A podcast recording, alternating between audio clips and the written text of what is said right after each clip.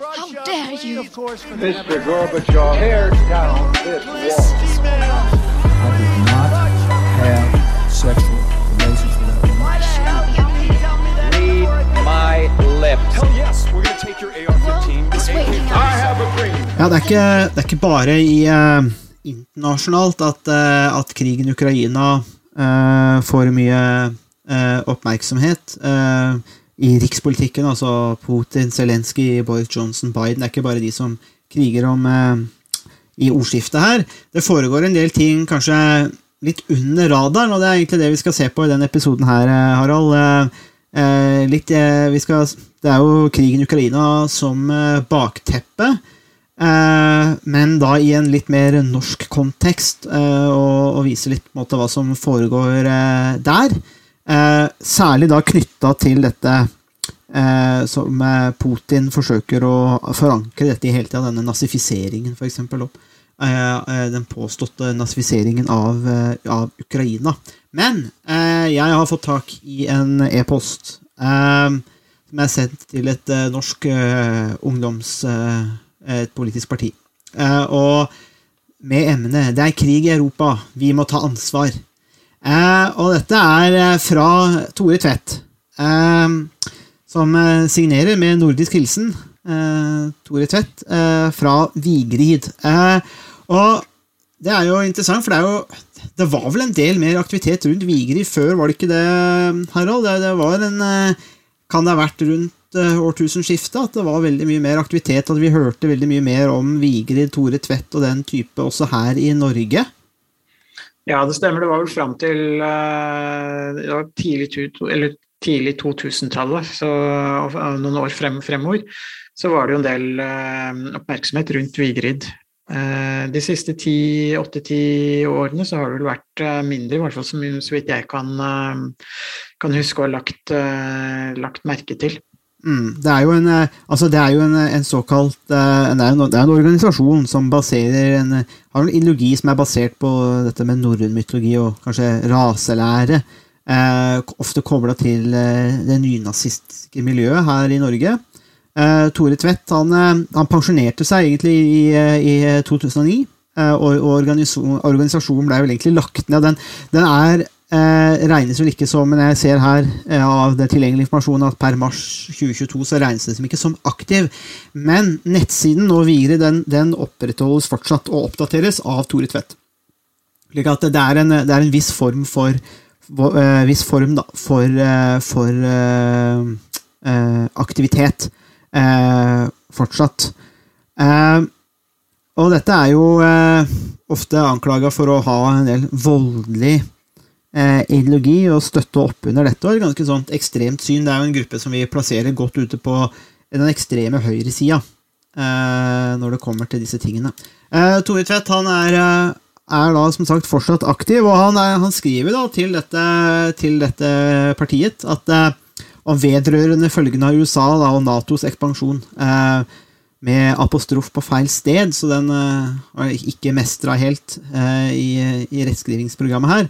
Eh, men eh, han skriver da at i, anledning den nye vendingen i krigen i Øst-Europa, hvor regimet i Kyiv gjennom de siste åtte årene har utført etnisk rensing av alt russisk i en målestokk som faller inn under FNs definisjon av genocide, altså folkemord, finner jeg det på sin plass å henvende meg til dere med tilbud om hjelp. Veldig, veldig raus der. Eh, siden USA, England og Nato står bak en stor del av årsakene til konflikten gjennom sin aggressive utvidelse ut østover, og asymmetriske krig mot Russland, eh, med da Serbia, Kosovo og Georgia som eksempler fra de seneste årene, har samtlige massemedier og politikere i Nato-landet sluttet opp om krigen mot alt russisk og fungerer som spreder av krigshissende russofobisk hatpropaganda. Eh, det avsnittet er jo en del å, å ta tak i, Harald, eh, og, og, og pakke ut litt. Eh, det første som jeg merker meg, er jo det at det, det er jo kjøpt eh, rått, på en måte, slukt rått, eh, det, dette narrativet da, til, til, til Putin, eh, som vi ikke har sett noen beviser for. Eh, alvorlige anklager, og, og hvis det stemte. Eh, men han har i hvert fall kjøpt det. Så der har vi på en måte én tråd, og så kommer dette litt overordna narrativet eh, tilbake, som på en måte har Det har noe sant, i seg, på en måte. Eh, men det er mye mer nyansert enn det det blir fremstilt. Og det er dette, nettopp dette det at dette er Vestens skyld. Altså dette er eh, Natos ekspansjon er aggressiv eh, og fører til krig. Altså, det, det, settes jo nesten opp en sånn kausalitet her. altså At Natos ekspansjon må nødvendigvis drive Putin til krig, på en måte. Altså A forårsaker B. og, og det, det, er jo noe vi kjenner igjen da, fra tidligere litteratur. Det, hva tenker du om den? Altså, her, vi ser jo tenker at det, det, er jo i hvert fall et narrativ som vi ser veldig ofte, og som jeg og, i hvert fall tenker er litt vanskelig. ikke sant? Fordi at det, Vi har jo snakka om det i podkasten før. Jeg er jo, jo, er jo, personlig skeptisk til ekspansjon av Nato. Eh, rett og slett fordi jeg tenker at det er noe i det at eh, man kan erkjenne at verdens største da, militærmakt kan oppfattes som truende for andre. Altså, Det må man jo erkjenne, og at det er mulig. Og så er spørsmålet hvor mye må man ekspandere for å føle seg trygg. Eh, på en måte, altså, Og man skal i hvert fall anerkjenne denne logikken, og i hvert fall i en russisk sammenheng. Men det er jo noe annet enn å sette eh, kausalitetsforhold her og si at A forårsaker B, eh, som jeg føler kanskje at der, der brytes sammen. Men vi ser i hvert fall dette, dette at Tore Tvedt er opptatt av dette. Da. Ja, eh, det er ganske interessant, syns jeg, at den, eh, det argumentet om at det er Nato og USA som Eh, ansvar eller skyld eh, for krigen blir gjentatt eh, veldig ofte. Og den statsviteren som kanskje er mest kjent for, for å presentere det argumentet, er jo realisten John Mersheimer. Som, som har gjentatt det samme, samme argumentet. Og noe av problemet med det er jo nettopp som du sier, Sondre, at man forutsetter en slags kausalitet. Og at det er en nødvendig eh, konsekvens eh, av eh, Nato-utvidelsene. Og man kan stille seg spørsmålet ville man fått krigen i Ukraina dersom det var en annen president i Russland i dag. Altså for at argumentet om at Nato har ansvar for krigen skal holde, så må det innebære at man ville fått den konflikten man får, har fått uh, i dag, uavhengig av hvem som var president i, eh, i Russland. Um, og Det er jo selvfølgelig et hypotetisk spørsmål, men det er jo nærliggende å svare nei på, på, det spørsmålet at her er det ikke en nødvendighet. Det er ikke sånn at enhver russisk leder eh, ville eh, håndtert konflikten eh, på samme måte som Putin har gjort. Eh, og um, det er, det, er litt, det er, jo ikke en helt perfekt analogi, men det er litt som å si at um, en, en, kvinne som blir utsatt for um, partnervold, på en måte har skyld i å bli utsatt for vold fordi hun provoserte uh, partneren til å slå. Uh, og det, vil, det, er på en måte et, et ganske absurd uh, resonnement Uh, og det er litt det samme i uh, situasjonen vi står overfor nå som med, med, krigen i Ukraina. Det er ikke et, uh, nødvendigvis en sånn lovmessighet at man ville fått en krig dersom det var en, en annen russisk, russ, russisk, leder. Så um, man kan si at i forholdet mellom Russland og Nato så har det blitt gjort feil fra begge parter i hvordan man skal, har håndtert for det forholdet. Nato har jo vært veldig tvetydig når det gjelder Nato-medlemskap for Georgia, Ukraina og andre. Eh, hadde man sagt helt tydelig ja eller nei, så ville man stått i en mye tydeligere situasjon. Man ville ikke skapt den usikkerheten som Russland kanskje har, har opplevd. Samtidig så har jo Russland også beveget seg i en mer autoritær retning. hvor det har vært Eh, stor grad av korrupsjon eh, og vanstyre eh, innad i Russland, samtidig som det også har vært angrep i andre vestlige land, altså såkalt cyberangrep pluss forgiftninger og den type ting som, som har gjort at forholdet mellom Russland og Vesten har blitt, blitt vanskelig. Så Eh, man, jeg syns det er vanskelig å ha eh, mye sympati for det argumentet om at eh, man legger skylden på Nato for krigen. Nato har ansvaret for deler av den, det forholdet som Nato har med, og Vesten har med, med Russland, men å si at Nato har ansvar eller skyld for krigen, det blir det blir et ganske Syns jeg blir en ganske et ganske vanskelig argument å Ja, for det der er jo, Da er du inne på det sentrale. ikke sant? Altså, Det er jo forskjell på å ha skyld i, eller være del av, eller ta del i, eller ha ansvar for en ekspansjon eller en, en eskalering av en dårlig forhold. Men det betyr jo ikke at eh, det rettferdiggjør eller nødvendigvis fører til krig. Eh, Men så det er jo en del av de der som støtt, eh, som, som, er, som kjøper dette argumentet, da, som Tore Tvedt spyr ut her. Det er jo sånn Man hjelper seg jo sjøl til konklusjon, på en måte, ved å på en måte bare kortslutte en del av logikken her. Og så er det noe med det der at Og det her er jo problematisk, ikke sant? For hvorfor i alle dager skulle Russland sitte på en rett til å dominere eller invadere land de føler hører innunder sin interessesfære?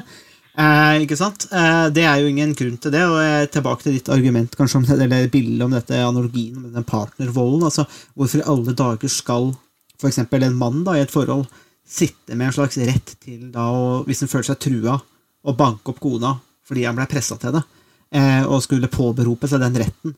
Og Det er jo, det er jo der sant, noe av problemet her er. Altså, du kan jo godt si at Vesten må ta skyld for at forholdet har blitt dårlig. Kanskje man har gjort grep som har, blitt, har vært, eh, vært dårlig.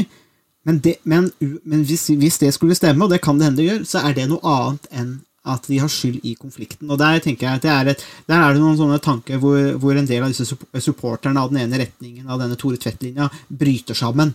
Uh, og tilbake til det du sa sant, om dette med, med ville, ville, ville vært annerledes uten Putin. Og det tenker jeg at det, den der perioden hvor han eh, liksom ga fra seg makta til Medvedev, tenker jeg likevel er litt instruktiv, fordi at eh, da fikk vi også avtale om delelinje i nord.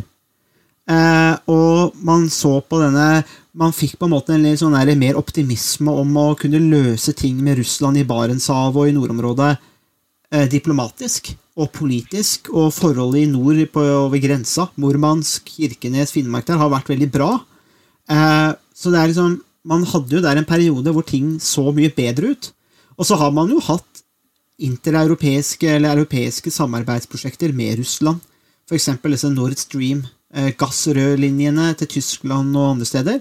Eh, man har jo hatt en del av disse tingene, så det er, litt vanskelig å kjøpe den derre hva, er denne- hva er denne mystiske krigføringen og greiene som har foregått? fordi at det, det er jo masse eh, stater som har samarbeida med Russland fint, og vi skal bare litt over ti år tilbake. Og da var det optimisme i Norge fordi at man hadde fått til disse avtalene eh, med Russland, og man så en ny diplomatisk vending, og Medvedev så ut til å være mer diplomatisk retta. Lavrov hadde et godt rykte, han fikk eh, vel noe premie eller æresdoktor, eller hva han fikk eh, stilling ved Universitetet i Tromsø. Altså, det var en del gode ting som foregikk. Eh, og da er spørsmålet hva har skjedd? ikke sant? Eh, så eh, jeg tenker det er, eh, Men jeg er inne på noe bra. Men eh, Tore Tvedt fortsetter jo da om at USAs igjen apostroffeil, som er litt sånn irriterende. Det er jo ikke apostrof på disse her, mindre det er en S eh, som det ender på, selvsagt. USAs og de andre Nato-landene totale og hybride krig gjelder alle områder, som sanksjoner og boikotter, ikke bare det militære, hvor de i dag kriger aktivt mot Russland med Ukraina som stedfortreder. Eh, det er ikke verst, eh, men eh, var du klar over det, Harald, at Norge inngår i en total og hybrid krig? Er du, er, du, er, du, du med på den? Du, har du fått med deg at vi er i en total krig? For det, total krig er jo andre verdenskrig, egentlig. Eh, Norge var vel nesten ikke i den situasjonen eh, en gang. Men eh, Nei, jeg må si det var helt nytt for meg, så jeg må bare takke Tore Tvedt for eh, eh, at vi blir eh, opplyst eh, her i podkasten om hva som er realitetene. Nei, altså det Det, det, det, det er litt eh, det, det er veldig spesielt når det kommer så store så sterke påstander eh, med så lite eh, eh, som dokumenterer eh, sannhetsgehalten eh, i, eh, eh, i påstandene. Eh, og eh, man kan jo lure litt på hva- det er som eh, ligger til grunn eh, når man har, ser så annerledes på virkeligheten eh, enn det eh, som virkeligheten ser ut til å det som ser ut til å være virkeligheten. Eh, og, og der er det ser man jo egentlig at både ytterste høyre og ytterste venstre, eh, begge sidene og fløyene i politikken, de, eh, de ender opp med virkelighetsforståelser som er veldig fjernt eh, fra det som tilsynelatende er, er gjeldende. Og, og, der er det ganske Jeg syns det kan være vanskelig noen ganger helt å se hva er det som som gjør at de ender opp der. Men nå kommer det, Harald, for det er spørsmålet. Og nå tror jeg kanskje fordi Tore Tvedt eh, eh, kommer med forklaringen, og jeg vil jo rette spørsmålet til deg etter å ha lest det. Fordi kan det være at eh, grunnen til at ikke du forstår dette her, er det som har skjedd her nå? For så skriver Tore Tvedt eh, videre, da, sitat. Jeg har gjennom mitt nettsted Vigrid fulgt krigsforberedelsene også her i Norge gjennom mange år, og dokumenterte det allerede i artikler fra 2013. Krigsutviklingen siden den gang har vært akselererende og blitt stadig tydeligere uten at politikere eller massemedia ved så mye som en eneste anledning har vært villige til å påpeke den, men kun en ensidig rettet fingeren mot eh, Russland. Og her kommer det. Er, eh, er, er, du, lurt av massemediene? Her kommer litt det der andre metanarrativet eh, som vi finner gjerne på, i, på, internett eller sosiale medier, Twitter, og som vi ser i denne, disse propagandakampanjene. Eh, og som også Trump retta en del eh, skyts mot, ikke sant? som skapte en del hat og opprør i USA òg. Massemediene. Eh, har du blitt lurt, kanskje, Harald? Du, er, er, det der, er det der det står, kanskje? For at ikke du på en måte forstår dette narrativet? fordi at du eh, har rett og slett blitt eh, hjernevaska gjennom eh, mainstream media? Det kan hende. Det kan hende det er jeg som, som leser feil aviser. Det ville jo vært veldig synd. Det betyr jo at veldig mye av det den informasjonen som jeg bygger livet mitt på, det er jo faktisk feil. Mm. Um, eller så kan det også være at Tore Tvedt eh, er en uh, konspirasjonsteoretiker. Uh, så det er enten, det er enten, uh, enten er det jeg som bygger livet mitt på en livsløgn, eller så er det Tore Tvedt som bygger livet sitt på en, på en livsløgn. Mm. Og det er vel egentlig det du koker ned til i, i den situasjonen her. Um, det det er en, eh, en veldig, et veldig sterkt, en veldig sterk motstand mot USA USA, Vesten uh, og det, det, det, man kan kalle det liberale demokratiet. og Vigrid er jo ifølge dem selv en måte forkjempere for demokrati, selv om de ikke sier helt hva slags demokrati Eller hva de mener med begrepet demokrati. Ja. Det er jo alltid skummelt med folk som hevder å se mer klarsynt, uh, tydeligere enn alle andre, uh, og, og, ting uh, inn der. Det er jo alltid et litt dårlig tegn. Ja, altså Problemet med, med, verden er jo at det er ganske rotete og ganske uoversiktlig. og det gjør at veldig mange av de politiske beslutningene som blir tatt, de er kanskje ikke helt optimale. Man må inngå kompromiss, og det blir en del løsninger som kanskje ikke er helt ideelle, men som er de kompromissene man klarer å komme seg frem til. Og i en sånn litt sånn rotete, uoversiktlig verden så, så, går det an for konspirasjonsteoretikere å ta utgangspunkt i konsekvenser av den politikken som, eh, som føres, og vri og vende på en del av premissene. Og måtte skape eget, sin egen historie og sin egen tolkning som, eh, passer dem eh, bedre enn hvordan virkeligheten faktisk eh, er. Og man kan jo også noen ganger lure på hvor, altså hvor eh, Så hvordan er det man skal håndtere konspirasjonsteoretikerne? For de er jo rett og slett, tar jo rett og slett bare feil. Eh, og det er ikke noe annet man kan si. Altså det, det er ikke eh, Det er ikke noe som man kan møte. Mm. Eh, helt på samme måte som man kan møte andre politiske motstandere. Høyre og Arbeiderpartiet kan jo være uenige om eh, mange punkter i politikken og hva som vil være den beste politikken for Norge. Men konspirasjonsteoretikerne på ytterste høyre og venstre side i politikken, de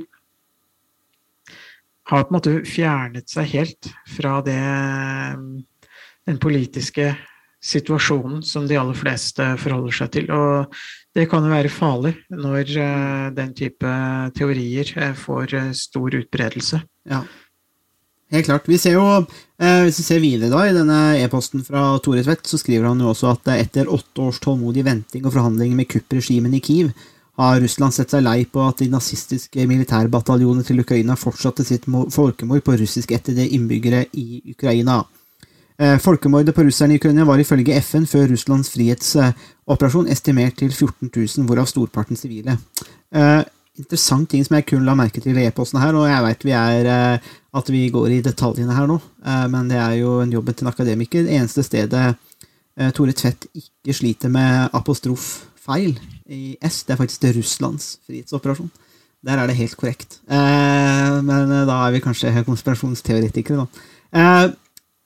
Tore Tvedt fortsetter at Russland har sin militære operasjon for å stoppe folkemord på russerne og hindre at Ukraina slutter seg til Nato som oppmarsjområde for Natos angrepsstyrker, vist stor forsiktighet overfor sivile og begrenset seg til presisjonsangrep på Ukrainas militære infrastruktur. Her var det heller ikke noe Jeg leser altså verbatim, så her var det heller altså ikke noe eh, komma. Eh, så den, den var så lang å lese. Eh, men og så skriver han videre at i Donbass-området fører militsene med hjelp fra de russiske styrkene heltmodig frigjøringskamp mot de ukrainske nazistyrkene som hater alt russisk og ønsker å utrydde russere.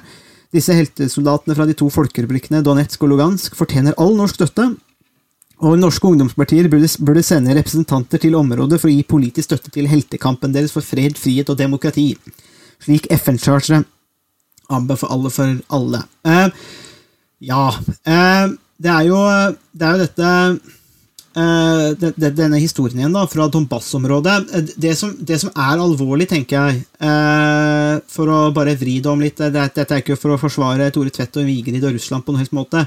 Men vi kommer ikke utenom det faktum at ukrainerne har jo et, et, et, et høyreekstremt problem. med sånn som denne Azov- Azov-bataljonen, som også kjemper nå mot russerne. Men det er jo en gjeng med høyreekstreme gærninger, altså. Eh, fanatikere. Og de gjør ikke, de ikke Zelenskyj og ukrainerne noen tjeneste. Eh, de har et eh, fortjent dårlig rykte, eh, og deres herjinger òg gir også altså propagandaammunisjon til Russland, tenker jeg. Eh, så det der å peke på det der å peke på, på, på noe av denne ikke nazifiseringen, men dette høyreekstreme miljøene som også har sin rot i Ukraina. Eh, Det er ikke, nazi, det er ikke nazi, det er ikke, det er ikke nazifisering, men det er høyreekstremt problem. Det er jo, er, tenker jeg uansett, er et problem for Ukraina, men nå er det jo ingen som vil ha sagt at Ukraina er et perfekt land heller. Det er jo mer det at eh, hvis de har proble problemer med høyreekstreme grupperinger i Ukraina, så er det uansett Ukraina som suveren stat som skal håndtere det, ikke da bli invadert av en, av en annen stat eh, som skal fikse det her, og bare da hjelper seg sjøl til den eh, konklusjonen, da. Eh, men eh, jeg, er usikker på om eh, norske ungdomspartiet ungdomspartier skal ned til, Donbass for å gi sin støtte til eh, Jeg vet ikke om det er eh, jeg vet ikke om det er helt trygt, da. Eh, Jeg tror det kan bli litt, en litt krevende reiserute for å komme dit. Ja. Eh, og jeg vet ikke helt hvordan man skulle gjøre det. Sånn Jeg tror du. Tore Tvedt er med på reisa, eller holder seg trygt hjemme i Norge og bare oppfordrer folk til å reise? Han eh, sitter nok eh, trygt i Hokksund eller hvor det er han eh, bor. Så de, de stakkars ungdomspartiene må nok reise på egen hånd. Men det, er, jo også Det her er jo også et fenomen man ser i, eh, i USA også, eh, den type eh, argumentasjon om at det er Nato som har ansvar for krigen, og at det er Zelenskyj som er på en måte den den som har ansvaret for krigen. Tucker Carlson, en av de mest promoterte og populære talkshow-vertene på Fox News, eh, presenterer ikke noe som er like ekstremt eh, som eh, Tore Tvedt, men noe som, eh, som i hvert fall minner om eh, noe av den samme retorikken og den samme måten å argumentere på. eh, om at det er Ukraina som har skyld i konflikten sammen med Nato. Og Tucker Carlsen har også nå beskyldt Zelenskyj for å etablere et slags diktatur i Ukraina fordi noen av de russiskvennlige partiene har blitt forbudt i, i Ukraina. Og det er jo alltid eh, grunn til å være skeptisk når politiske partier blir forbudt. Eh, fordi det kan jo være en effektiv måte å kneble opposisjonen på, men samtidig, når man står i en, uh, i en krig, uh, så, så, er det vanskelig å tillate partier som undergraver statens eksistens og rett til eksistens. og det er jo kun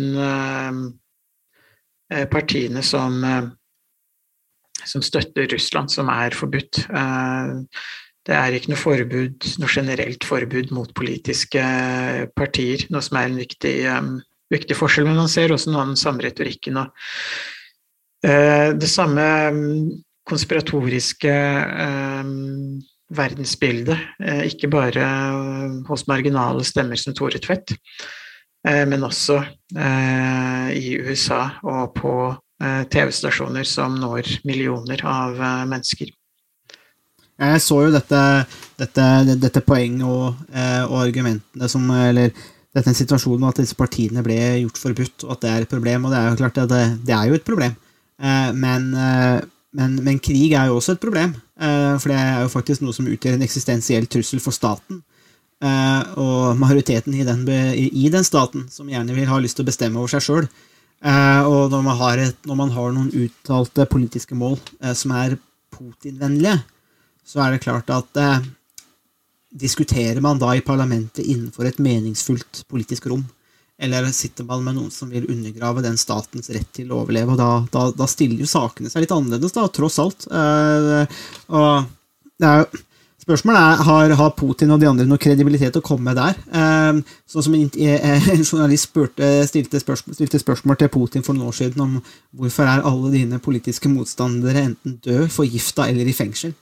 Uh, for det er, det er, som en sånn fellesnevner, og det er jo sånn uh, Så det er jo, Du kan gjøre det på den måten der òg, eh, ikke for å ha den der eh, whataboutism, men poenget mitt er bare at det er i ikke noe kredibilitet i Russlands argumentasjon om at eh, Zelenskyj opptrer uprofesjonelt og, og problematisk. Eh, eh, det er det ingen tvil om.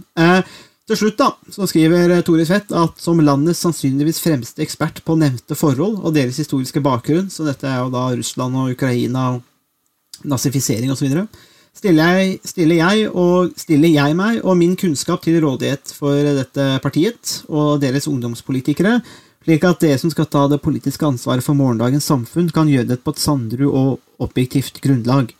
Dette i motsetning til, hatefulle, til den hatefulle russ, russofobiske hatpropagandaen som preger de etablerte politikerne og norsk massemedie i dag. Med nordisk hilsen Tore Tvedt eh, fra Vigrid. Eh, og ja, eh, han får jo bare, har jo ikke vi Tore Tvedt i podkasten vår som gjest, men jeg får bare tillate meg å, å, sette spørsmålstegn ved det såkalte objektive grunnlaget. Eh, som, som, som, som, han påberoper seg.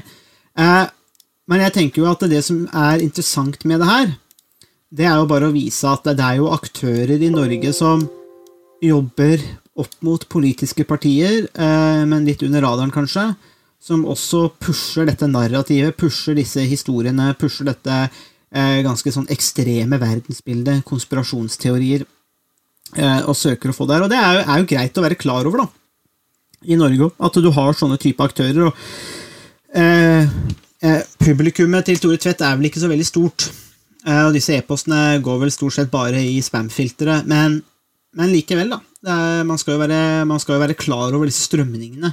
Eh, og ta tak i de og, og diskutere de. Eh, så ser man jo at det er jo en, sikkert en andel i, Nord i, i Norge òg som, eh, som, sikkert kjøper, kjøper, akkurat de samme tingene der.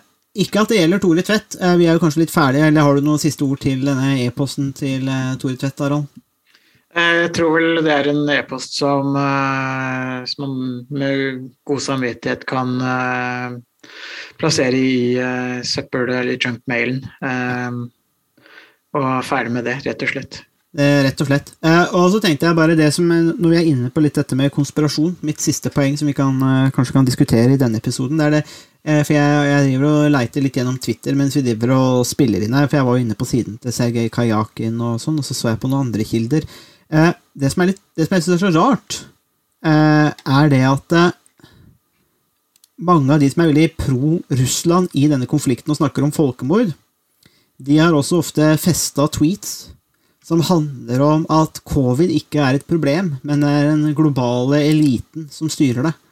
Uh, og jeg har ikke noe grunnlag for å generalisere og si at uh, det er en, at det er en sammenheng, direkte sammenheng mellom disse tingene. men det ser ut til å sammenfalle en god del. At, at, at folk som er pro Russland og pro Putin, er også anti anti-covid, for å si det på den måten. De er anti-vaksine eh, og eh, er veldig skeptiske til de tingene der. og det, det tenker jeg også er veldig sånn, interessant hvordan disse her tingene her blir slått sammen. For det, eh, det, ene har jo selvsagt ikke noe med det andre å gjøre, men likevel, i disse tankene i, hos disse menneskene, så har det alt med hverandre å gjøre, og det tenker jeg er litt interessant. Ja, og man ser jo noen av de samme eh, den samme typen eh, informasjon og tanker eh, også på venstresiden, hvor eh, steigan.no eh, er på en måte venstresidens versjon av, eh, av Tore Tvedt og, og Vigrid, hvor um, man er kritisk til vaksiner og covid og hele pandemien man har gått igjennom. Eh, og hvor man på en måte får spredd noen av de samme ideene, bare med helt, fra helt motsatt politisk ståsted. Og det er jo interessant hvordan disse eh, gruppene på ytre, ytre venstre og ytre, ytre, høyre eh, finner hverandre på en måte. At de, de, kommer til de samme konklusjonene av en eller annen merkelig grunn, selv om de starter fra helt forskjellig. om motstridende premisser, så ender de likevel opp eh, med den samme, de samme konklusjonene. Jeg vet ikke helt hvorfor de gjør det, men uh, som, som, jeg var inne på innledningsvis også, uh, de ender gang på gang uh, på feil side av, av historien. og det er kanskje noe av det som, eh, som gjør, dem, gjør, disse gruppene også til liksom, tragiske skikkelser i det politiske landskapet også, hvor de utrettelig eh, ender opp på feil, eh, på feil, side av en eller annen merkelig grunn. Mm. Ja, nei, det, er et, det er et godt poeng. Det er jo ofte illustrert gjennom en sånn slags hestesko, dette forholdet mellom ytre venstre og ytre høyre. Det er noe med det derre Hva skal vi si Jeg har jo ofte vært kritisk til, til en del vestlig antiterrorpolitikk, for det er veldig problematisk. Men det er noe med at dette blir også veldig forvrengt på den ytre venstresida, f.eks., hvor, uh, hvor det forsvinner i en, i en, form for relativisme, og at disse sakene kollapses. Altså uh, det at Nato og USA for eksempel, og Norge har gjort forferdelige ting i Afghanistan til dels, men særlig, særlig Irak. vi kan også trekke inn Jemen og Pakistan for eksempel, og andre land. Men, men, hva har det med krigen i Ukraina å gjøre? Altså, du, kan, du kan påpeke krigsforbrytelser eh, eller dobbeltmoral eller hva du vil eh, i krigen mot terror. Det har ingenting med krigen i Ukraina å gjøre. Altså, du, du kan ikke bruke det som argument for å invadere Ukraina. Eh, og det, det, Der er det en slags disconnect, eller en merkelig sak som Jeg skjønner hvorfor det er fristende. Fordi at det, det, det, er ganske nært beslekta. Altså, det er et, og det har jeg sagt, eller argumentert for før i podkasten vår, Harald. Jeg syns det er et problem at eh, fordi Vesten, eller vestlige land, da, inkludert Norge, i 20 år har underminert sin egen moralske posisjon gjennom krigen mot terror, gjør at vi mister kredibilitet i en del internasjonale spørsmål. Jeg syns det er problematisk. Eh, og at det er problematisk. Og det syns jeg er helt riktig at folk på en måte plukker på, peker på. Og, og, og, det er helt klart, det er amerikanere som skulle vært stilt for den internasjonale krigsforbryterdomstolen. Eh, fra Vietnam, Korea, Vietnam oppover. Altså For meg er det ingen spørsmål. Eh, tidligere presidenter, rådgivere, minister i USA burde vært i Haag. Eh, og de hadde blitt dømt på flekken under objektive forhold. Men det er, det er jo da f.eks. USAs problem, eh, eller den saken som gjelder USA der. Man kan ikke fra det punktet gå og si at å ja, men da må jo vi kunne bare angripe Ukraina, eller, eh, eller eh, Ja, men se hva de gjorde. Da de gjorde krigsforbrytelser, så slapp de unna. Det er to forskjellige spørsmål likevel, og det må man klare å holde atskilt. Eh, og det, det er vel kanskje det hvis jeg tolker deg litt, Harald, at det er kanskje det som er litt av problemet på begge sider her, at man bare kollapser det, og så ja, hva, hva, står, hva, står man igjen med da? da? Ja, og så er det også det som eh, Jeg vet ikke helt hva man kaller det på, på, på norsk, moral equivalency. altså Det at man på en måte likestiller ulike regimer og ulike handlinger. Ja. Um, kan jo også være problematisk i, um, i den type um, når, Spesielt når det gjelder krig. Uh, krigen mot terror og også mer konvensjonelle uh, kriger. Um, så uh, det, er, vanskelig å like Man kan si at i Eh, krigen mellom Ukraina og, og, Russland, så vil det, som i de fleste kriger, kanskje bli begått det man kan kalle det som blir definert juridisk, i hvert fall, internasjonal lov, som krigsforbrytelser fra begge parter. Eh, men samtidig så og, og, så, og, samtidig så skal jo alle typer krigsforbrytelser eh, ideelt sett eh, straffeforfølges, selv om det i praksis er eh, Eh, ikke, ikke, skjer eh, i særlig stor grad. Men samtidig så er det også vanskelig å si at ja, fordi at den ene siden bryter loven eller gjør noe som er eh, ikke tillatt i krig, så er ikke det nødvendigvis sånn at eh, da er de like gode, like onde, eh, begge partene. Eh, så, så, det er også litt problematisk at man kanskje på ytterste venstre og høyre på en måte trekker den Eh, den slutningen at begge parter eh, er like ille. Eh, mens det i, virkeligheten ofte kan være forskjeller mellom, mellom partene.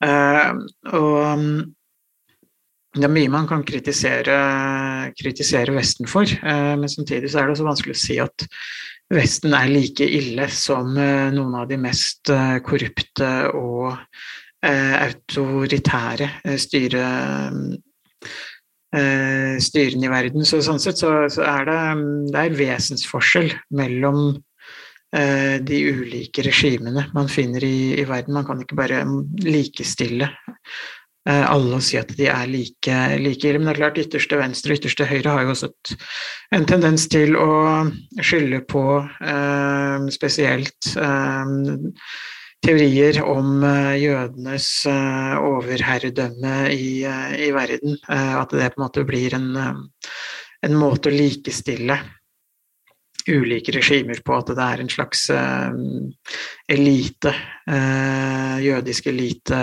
som, som styrer oss.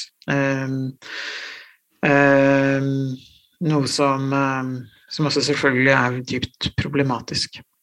Ja, og jeg tenker jo Eh, når, du, når, du, nevner dette, eh, altså dette med å sidestille det moralske eh, og de tingene der, så tenker jeg det er veldig interessant, fordi at eh, det er et problem med denne for eksempel denne krigs... Eh, eller internasjonale Eller domstolen i Haag, eh, som Norge støtter, for eksempel. USA har jo trekt, trakk jo sin støtte sammen med, med, med, med andre land som aldri har vært medlem. Samme gjorde Russland. Uh, Ukraina står, den, uh, står, også i en sånn posisjon. Uh, men jeg tenker jo at hvis, hvis, Russland hadde et så stort problem med det som har foregått i krigen mot terror, f.eks., som de burde ha, egentlig, så kunne man jo ha pusha for en styrkning av internasjonale normer, internasjonalt regelverk, for å straffe de som begår krigsforbrytelser, uavhengig av hvor de er. Så her har jo Det, det kunne de gjort, altså hvis dette var så moralsk forkastelig. Eh, som de liker, og, og det er det jo på en måte, men russerne bringer det opp hele tiden, og hvorfor kan ikke vi nærmest gjøre det når andre har gjort det? Men hvis de hadde et, eh, et så stort problem, de kunne brukt tida si på å støtte opp under disse internasjonale traktatene eh, og avtalene og normene og regelverket, så hadde man jo hatt en mulighet for å prøve å temme eller tøyle USA, da, hvis det var det man hadde ønske om. Men, men det har man jo ikke valgt å gjøre, ikke sant? og det er jo, det er jo en grunn til det òg. Så Men det skjer i hvert fall litt her. Eh, interessant å se litt på hva som foregår i hjemlige forhold, og denne koblingen mot litt dette konspirasjonselementet. Eh, og, som også blir kobla sammen med disse tingene. Så får vi se da, om, eh, om vi får noe mer eh, bevegelser eh, her. Både fra ytre venstre og ytre høyre. Det er noe uansett interessant å, å diskutere. Så vi får, vi får, vi, vi får følge med på disse grupperingene og stemningene og trendene som tross alt da eksisterer og eh, driver på, da, på i, i, utkanten på en måte av det politiske systemet og miljøet i Norge.